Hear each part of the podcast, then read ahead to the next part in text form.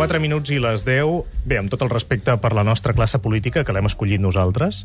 I que, hi ha, Ah, I que hi ha molt bona gent. Sí, i tant, i tant. Perquè això que diuen de que tots els... no és veritat. Hi ha molts polítics que són molt bones persones. Dit Molts. això, eh, si tu, Àlex, haguessis pogut anar aquesta setmana al Congrés dels Diputats, o és igual, o al Parlament català, i parlar sobre aquest canvi de paradigma, sobre aquests canvis estructurals que haurien d'haver-hi en la nostra societat, Quina pregunta, què diries? Déu, quin compromís Canvis es fa. estructurals. Això- això no estava La teva opinió, pactat, la teva eh? opinió personal. Mare de Déu. Re, mira, se m'acudeixen dues idees. La primera, dir que és una vergonya perquè tant els que estan al govern com en l'oposició, un té la sensació de que no responen, sinó que reaccionen. La reacció té molt a veure amb l'instint i amb la visió a curt termini, amb, la, amb moltes vegades amb, amb, amb, la, amb la resposta immediata perquè no has tingut no, la voluntat d'entendre el problema de, i de respondre amb consciència.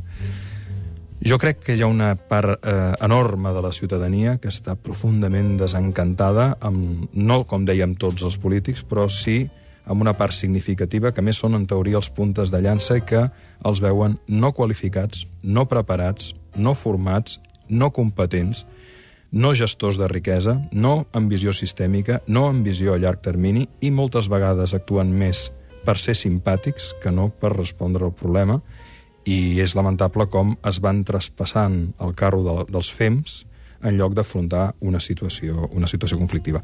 Coincidíem aquest dia, com et deia en aquesta reunió, en què bàsicament hi ha dos problemes estructurals i que, i que ens portaran molt de temps de resoldre. Hi ha un problema fortíssim amb l'educació en aquest país. Fortíssim. I s'ha de, de, hem de ser conscients de que la, la solució no serà a curt termini. Cal millorar moltíssim la formació amb les actituds i en els valors. És a dir, la crisi neix dels vicis, dels vicis. La solució de la crisi neix de les virtuts. I no n'hi ha d'altra.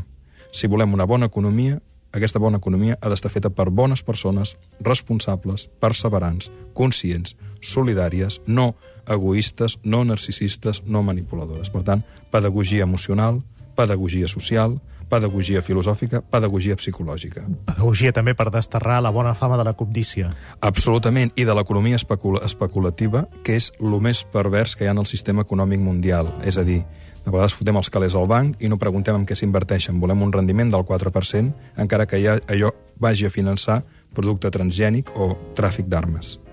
I això és vergonyós. Si no som conscients de que el món en el que vivim no és més que la manifestació de la qualitat de la nostra consciència, no hi haurà solució a llarg termini, o si vindrà, vindrà amb un patiment exagerat on normalment paga la partida la bona gent i els narcisistes i els psicòpates i els paranois que governen alguns dels sistemes queden exempts. És a dir, aquí, si no es regula clarament el sistema econòmic global, es fa pagar a la persona robada i s'eximeix el lladre i a més se l'ajuda.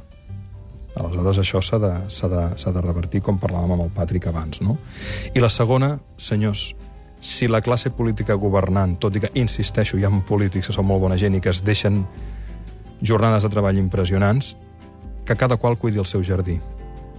No ens queda altra. Venen temps difícil, venen temps de sobrietat, d'austeritat, de consciència, de diferenciar necessitat de desig, i finalment, si no ens ensenyen des de dalt, comencem des de baix a fer una revolució silenciosa i no coordinada, on, a partir de ser bones persones i bons ciutadans, intentem posar criteri i ordre i, sobretot, molta consciència a l'hora de triar a qui fem confiança políticament, perquè el fet d'anar a votar és un acte sagrat. Ens estem jugant el futur. Gràcies, Àlex Rovira. Els oients també.